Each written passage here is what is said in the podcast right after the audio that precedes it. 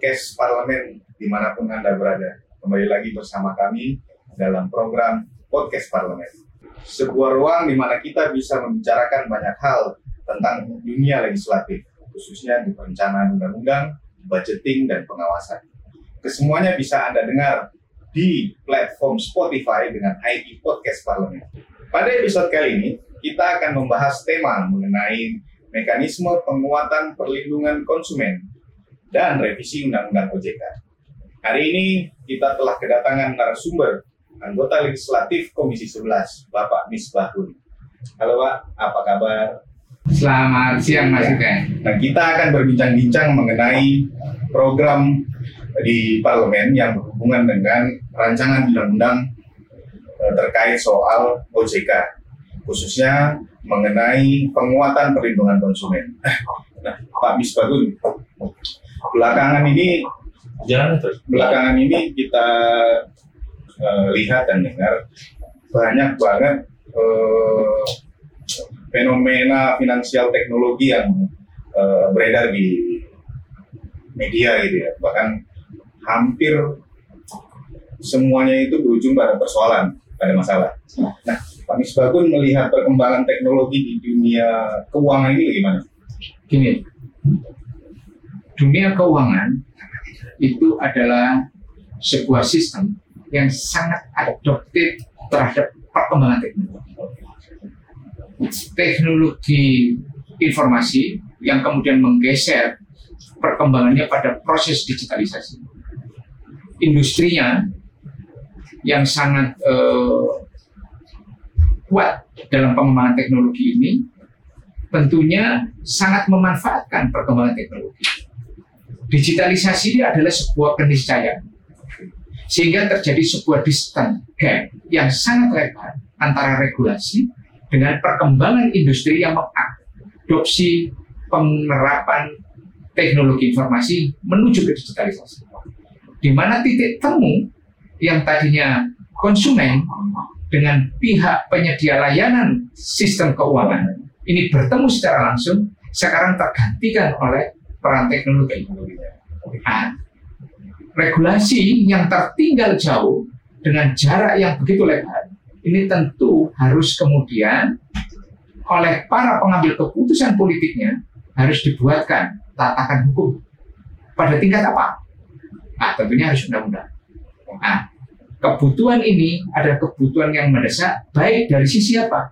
Dari sisi para industrinya, penyelenggara jasanya, kemudian dari sisi konsumennya, juga dari para regulatornya. Jangan sampai regulasi yang lama tidak bisa mengatur industrinya, terus tidak bisa melindungi konsumennya. Eh, apa itu latar dari diusulkannya revisi undang-undang OJK ini? Gini, kalau kita lihat dari semangat lahirnya Undang-Undang OJK, pada saat itu kan sebenarnya ingin dibentuknya sebuah lembaga baru yang memisahkan fungsi pengawasan perbankan dari Bank Indonesia dan kemudian fungsi pasar modal dan industri jasa keuangan apa itu eh, industri keuangan non dari Kementerian Keuangan dan kemudian di merge dalam sebuah itu kan ada semangatnya. Waktu itu kan kita hanya bicara tentang semangat undang-undang ini lebih kepada institutional body.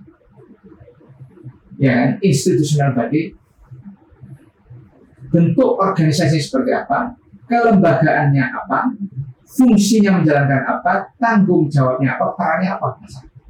Jadi fungsi mengawasi, mengatur, dan melindungi itu ada. Di OJK Ya, dari awal. tetapi itu kan bentuk dari sebuah perwujudan undang-undang yang ingin memisahkan. Tetapi kan perkembangan zaman ini kan begitu cepat. Terjadi disrupsi ya dengan penggunaan teknologi digital yang begitu teknologi informasi yang menuju digitalisasi yang begitu masif sehingga terjadi apa? Terjadi proses disrupsi yang begitu masif membuat beberapa aturan itu menjadi kehilangan daya jangkaunya terhadap permasalahan yang ada Karena perkembangan zaman. ya. perkembangan zaman. Nah, dorongan penggunaan teknologi ini mau tidak mau membuat kita harus mengejas. Nah, banyak aturan-aturan turunan di bawah undang-undang yang kemudian pijakannya dari sisi undang-undangnya sudah tidak ada. Oh, Contohnya fintech. pinjol, pinjaman online, ya kan sistem pembayaran dan sebagainya.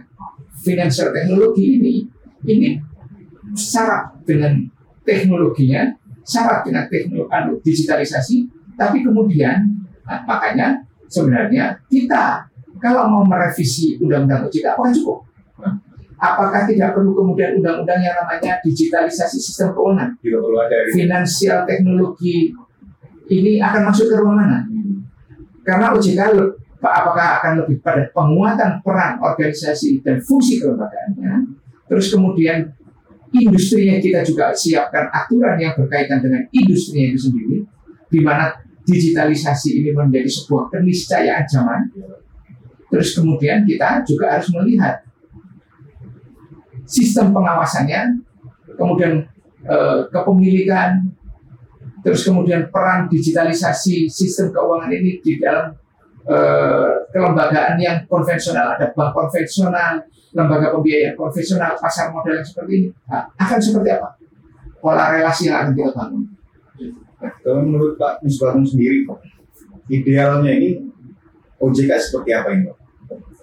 Kita ideal sekarang belum tentu ideal di masa yang akan datang. Yang akan datang. Oke. Kita pada saat merumuskan OJK, memisahkan fungsi pengawasan, orang memuji Indonesia punya keberanian. Keberanian memisahkan fungsi pengawasan dengan fungsi pengaturan. Ya kan? Sehingga lahirlah kemudian istilah makro prudensial dan mikro prudensial. Orang melihat langkah maju. Tetapi dengan perkembangan dan tantangan zaman yang ada sekarang, ya kan, tentu ini kan harus dicari format ideal baru. Ya kan? Karena apa? Ya tantangannya sudah berbeda. Kita harus mereinventing kembali, mendefinisikan kembali tantangan sekarang dan beberapa tahun ke depan akan kita desain dengan organisasi seperti apa. Nah inilah yang harus kita rumuskan dan ini bukan pindah pandangan personal tapi harus masukan dari banyak pihak itu mas nah e, misalnya begini pak belakangan kan ada berita soal binomo gitu ya beberapa penegak hukum terkait juga sudah melakukan tindakan hukum misalnya nah e, kalau mau pakai sudut pandang pengawasan OJK katakanlah gitu sebenarnya langkah konkret apa yang bisa diambil untuk menangani kasus-kasus kayak binomo binomo kan cuma platform Sementara kalau dia diblokir, orang bisa bikin lagi gitu. Nah, pencegahannya ini gimana? Begini. Ada dua hal. Ini kan menyangkut literasi, edukasi, dan inklusi. Ya kan? Edukasi kan ujungnya nanti kan akan ada program liter membangun literasi keuangan, program edukasi ya. Program edukasi kan memperkuat. Dan bagaimana kemudian orang itu secara kemudian tertarik untuk menjadi bagian dari sistem keuangan dan mereka terinklusi di sana. Nah, ini adalah dua hal yang berbeda. Ketika kita membicarakan kasus per kasus terkait dengan investasi, ya kan?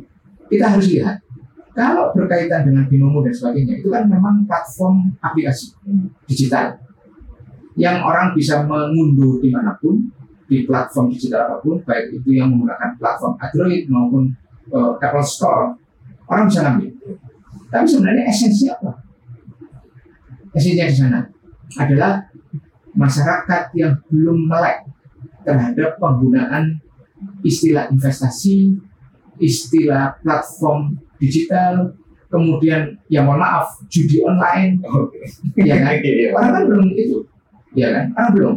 Orang paham tidak dia dikatakan dengan investasi tentu ada izin investasinya kemudian penggunaan platform itu apakah sudah mendapatkan sertifikasi bahwa sebagai nah ini kan yang harus di harus kemudian diklarifikasi terus regulasi apa yang dia gunakan hmm. orang mulai mengatakan cryptocurrency tidak boleh ya. tetapi aset kripto sebagai komoditas boleh di Bapepti iya Bapepti ngeluarin izin juga untuk beberapa perusahaan perusahaan kripto kripto tapi kan sebagai aset untuk komoditi aset komoditasnya tapi bukan sebagai alat pembayaran Iya, membayar sebagai alat tukar. Sebagai cryptocurrency, sebagai alat tukar, dia tidak boleh. Ya kan? Nah, apakah kemudian kemudian aset kripto diakui? Aset kripto diakui. Bahkan timbul salah pengertian bahwa perbankan tidak boleh memfasilitasi aset kripto. Salah. Nah, karena apa? Kalau saya beli ke Bapepti dan sebagainya, misalnya sedang menjual belikan, contohnya saya kan, melalui exchanger Hmm. membeli sebuah aset kripto, ya boleh dong saya pakai bank. Iya. Itu, itu kan yang tidak boleh kan bukan alat itu sebagai pembayarannya kan tidak boleh. Memang nggak terfasilitasi juga di Indonesia. Ya, di belum Indonesia ada, ya, belum ada. Ya saya kan tidak boleh pakai Bitcoin untuk beli mobil, gitu Ah, kan, iya. nggak bisa. Nggak ada penerimaan alat. Tapi saya kalau beli Bitcoin melalui perbankan kan boleh. Iya. Saya sedang menjadikan Bitcoin sebagai alat alat sebagai aset, sebagai sebuah komoditas yang saya eh, beli. Itu lah. Ini yang belum ada di Indonesia. Nah, kemudian aparat penegak hukum melakukan penangkapan atas dasar ini yang juga harus kita hati-hati. Regulasinya belum ada dan sebagainya. Makanya berdasarkan pengaduan. Pengaduan atas apa? Nah ini yang harus karena yang mohon maaf ini sekarang lagi rame di kalangan komunitas tersebut ialah adalah orang ditangkap ya kan kalau judi online silakan tapi kalau kemudian orang yang kemudian crowdfunding crowdfunding ini kan terjadi di digital Benar. ya kan crowdfunding orang mengumpulkan ini bersama-sama ada izinnya dan sebagainya terus kemudian tiba-tiba dijebak dalam sebuah proses hukum yang belum jelas regulasinya asetnya dibekukan dikategoriskan kepada judi online dan sebagainya ini kan Nah, gitu. Nah, ini kan mengundang perdebatan. Apalagi kemudian kita ingat dalam sejarah penegakan hukum kita, kalau aset dibekukan dalam jumlah sampai ratusan miliar triliun, siapa yang mengawasi? Iya. Itu.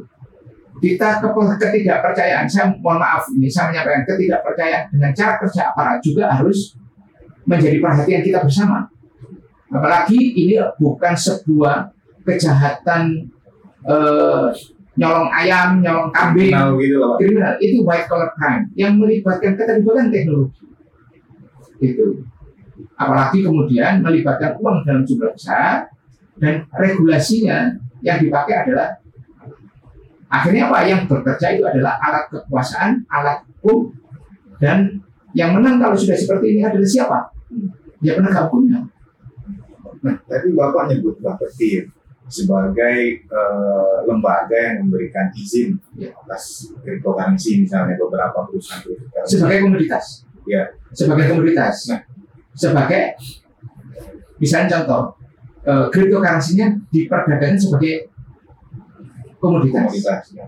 Yang saya mau tanya ini Pak, eh, bukankah yang kayak gini-gini ini masuk wilayah kerjanya OJK misalnya sebagai lembaga di sektor jasa keuangan? Ah, begini, kalau dia sebagai alat Bapepti ini mau apa? Bapepti ini berarti di Kementerian Perdagangan ya? Menteri Perdagangan, kalau dia sebagai komoditas, ini memang masih wilayahnya kewenangan Bapepti memang punya.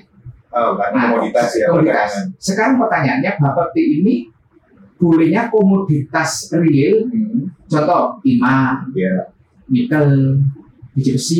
Nah, tapi ini tiba-tiba Bapepti masuk dalam sis aset keuangan, Aset keuangan digital kripto untuk dijadikan alat komoditas yang Bapepti. Nah, ini yang menjadi pertanyaan kita di Komisi 11 juga. Oh, oke ya. ya.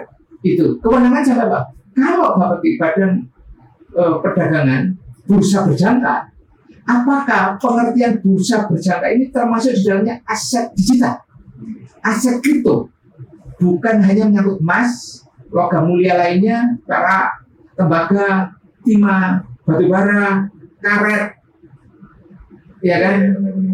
Itu kopi, ya kan? Kemudian misalnya coklat, kina, tembakau, eh, cengkeh, tapi ini aset digital. Dan memang belum ada juga yang mengatur di level itu, ya? Pak. Nah, di antara ketiga kewenangan itu, kan, kita kewenangan itu belum ada yang regulasi yang secara exactly, maka ini penting untuk dilakukan penguatan. Pem- diatur oleh pemerintah dalam sebuah aturan yang kuat. Aturan yang kuat itu ya harus undang-undang. Eh, sebagai anggota Komisi 11 nih Pak, yang juga membawahi sektor perbankan dan keuangan juga banyak bangunan kan. Nah, kayak melihat korban-korban dari pinjaman online, lantas juga ada asuransi, terus kooperasi-kooperasi, begitu mekanisme apa penagihan-penagihannya yang nggak manusiawi ya gitu gitu. Nah komisi 11 nih Bapak sebagai komisi 11 melihat ini mencermatinya gimana ya Mas? Gini, harus kita pisahkan. Hmm. Pertama pinjaman online. Saya termasuk yang mendorong kepada OJK bagaimana membuat regulasi pinjaman online. Jangan hanya melihat sisi negatif pinjaman online. Pinjaman online itu adalah masuk kepada ruang di mana pelayanan jasanya itu tidak bisa di-serve, tidak bisa disediakan oleh lembaga-lembaga keuangan yang eksis. Contoh, perbankan tidak mungkin menyiapkan di mana ada kebutuhan orang yang cuma sejam, dua jam, atau dua hari, tiga hari. Contoh, orang butuh anaknya sekolah, bayar sekolah, atau tiba-tiba jatuh tempo cicilan motornya ah, perlu, atau cicilan mobilnya datang. Sementara misalnya hari ini jatuh tempo cicilan mobilnya dua juta setengah sebulan, gajinya masih tiga hari lagi. Ada selisih, Ada selisih hari ya benar. selisih hari. Orang mau ke perbankan dua juta setengah, nggak mungkin. Nggak balik di sini juga.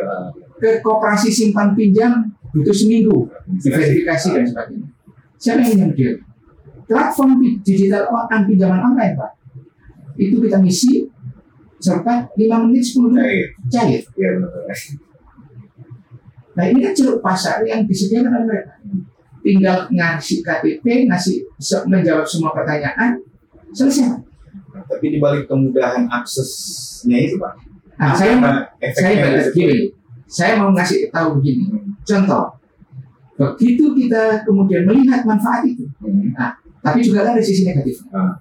Ada sisi negatifnya. Pertama, sisi keamanan data para Ya, nasabah, data pribadi mereka. data pribadi. Ter, ter, anu, terlindungi apa tidak? Kemudian terhadap tingkat suku bunga. Kemudian terhadap hal-hal yang misalnya pengawasan kalau orang tidak tidak membayar dan sebagainya terus di bunganya juga jadi bunga berbunga majemuk dan sebagainya itu yang harus makanya saya selalu sampaikan OJK sebagai pengawas tentunya harus bisa meregulasi ini. Iya. Kenapa lebih banyak pinjaman online pinjol ilegal daripada legal? Hmm. Nah, ini kita mau memasukkan mereka semua dalam sistem atau kita biarkan mereka lihat jauh dari pengawasan. Sama ketika kita ini ketemu hutan, binatang buasnya banyak, atau kita jadikan mereka masuk kebun binatang, atau kita masukkan mereka taman safari, sehingga kita tahu masing-masing, oh di sana ada wilayah komunitasnya biawak, di sana komunitasnya kadal, di sana komunitasnya ular, di sana komunitasnya harimau, gajah, sehingga kita tahu. Ya siapa yang akan mengawasi dia kita pengawasnya. Kita ini siapa ya? OJK. Ojek. Jangan sampai kemudian begitu ada masalah yang ke polisi, bukan OJK. Padahal fungsi penegakan hukum juga ada di OJK. Nah, inilah kemudian perspektif cara pandang regulator yang mengatur dan mengawasi itu juga. Karena fungsinya OJK berikutnya adalah perlindungan konsumen. Ya.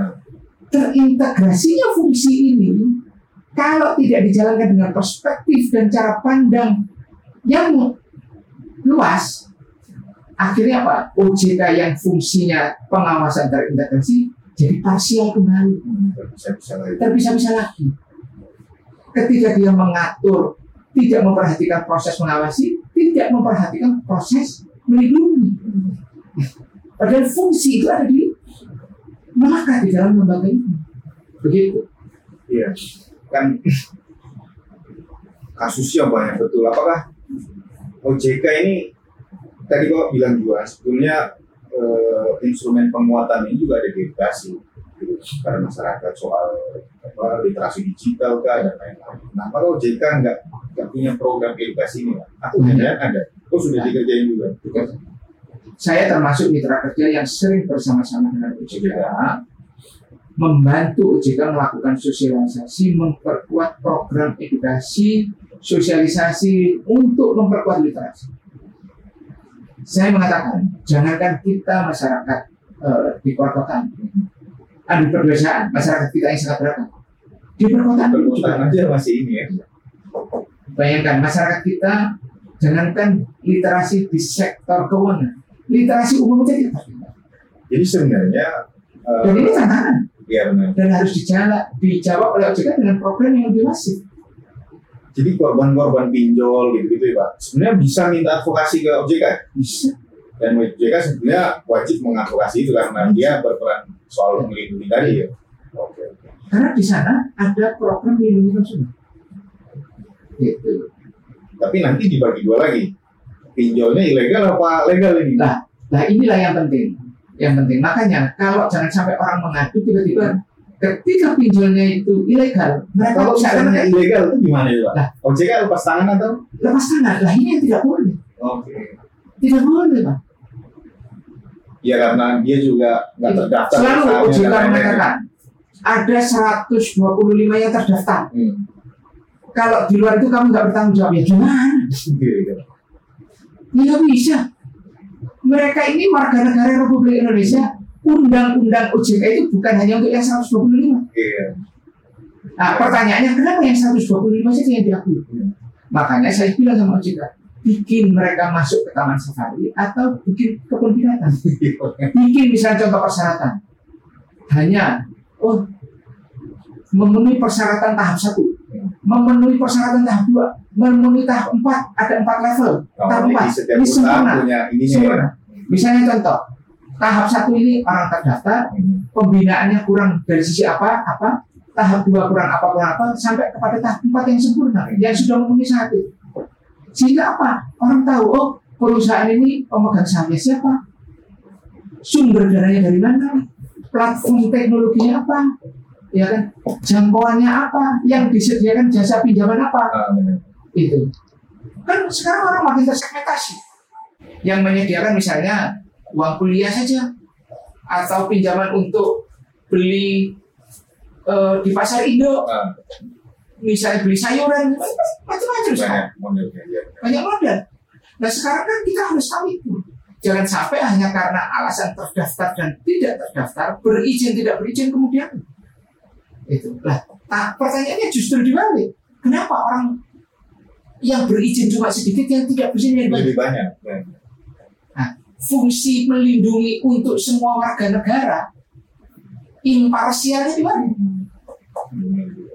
Nah, ini kalau begitu apa bapak punya saran nggak untuk masyarakat yang hari ini banyak dirugikan oleh perusahaan-perusahaan fintech ya?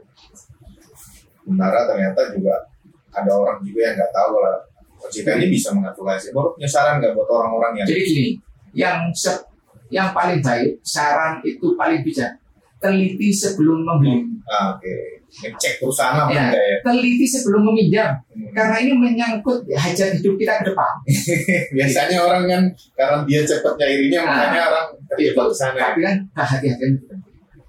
Ya, Tapi bagaimanapun juga kita juga harus sadar namanya orang pinjam, namanya orang pinjam, itu kan efeknya kan butuh. Hmm.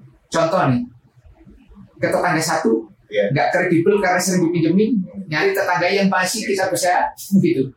A, B, C, D, 1, 2, 3, 4, 5, 6, 7 Di ketujuh kita baru bisa pinjam yeah. Nah sama juga kita Oh di platform ini susah, platform ini susah platform. Ini ada kasus yang disampaikan oleh kita Orang gali lubang tutup lubang sampai ke 26 perusahaan pinjol pinjol pinjam dari sini nutup sini pinjam dari sini nutup sini sampai 26 Malah saya juga pernah dengar Pak, pengguna cryptocurrency itu juga investasi pembelian koinnya dari pinjol juga. Dari pinjol. Itu terjadi main main trading. Iya, main trading. Cepat begitu. Iya, trading cepat. Hmm. Itu terjadi. Bayangkan, pinjolnya belum bisa melunasi, ininya dibekukan. udah, udah jadi juga grafiknya turun, iya. rugi. Itu, itu yang terjadi. Oke oke. Nah ini terakhir nih Pak pertanyaan. Uh, harapan Pak Misbahun sendiri terkait revisi undang-undang OJK ini kayak apa? Saya, kalau menurut saya ini kita harus melihat lebih komprehensif, tidak boleh parsial OJK secara kelembagaan. Secara kelembagaan, memang kita menyadari sepenuhnya bahwa OJK perlu Nah, nanti revisi undang-undang ini apakah individual atau kita gabungkan dalam penguatan. Ya kan? Penguatan perubahan penguatan di undang-undang itu bersama-sama dengan institusi yang lain. Lainnya berhubungan dengan keuangan dengan keuangan atau individual. Kalau seperti individual kita akan bicara kelembagaan, kewenangan, dan kemudian daya jangkaunya terhadap permasalahan di masa depan dengan pengalaman yang ada, atau kemudian kita juga sekalian industrinya, di mana kita gabungkan, di mana industrinya antara regulator dan industri, dan industrinya ini kita sekalian supaya apa sinkron nanti benar ada sinkron sinkron antara regulator dengan pihak industri sehingga nanti diharapkan terjadi upaya-upaya yang lebih terintegrasi dalam menata kelembagaan maupun industrinya. Oke, oke. Oke, terima kasih Pak. Mudah-mudahan juga kita berharap eh, revisi Undang-Undang OJK ini juga mampu memperkuat khususnya soal perlindungan. Harapan kita begitu ya. Ngapain kita ubah kalau tidak memperkuat? Iya, benar. Siap Pak. Baik, pendengar podcast sekalian, eh, tak terasa sudah sampai kita di penghujung acara. Ini juga Pak Misbah pun kebetulan tadi bilang setelah ini dia mau ada meeting dengan teman-teman di OJK juga Pak ya. Ya. Oke. Kita berharap bahwa undang-undang revisi OJK ini bisa memperkuat dan melindungi masyarakat khususnya. Tak terasa lagi sampai di sini pertemuan kita. Jangan lupa untuk terus kunjungi ID Podcast Parlemen di platform Spotify. Sampai ketemu lagi. Tetap jaga kesehatan. Sampai jumpa. Terima kasih Pak. Terima kasih Mas.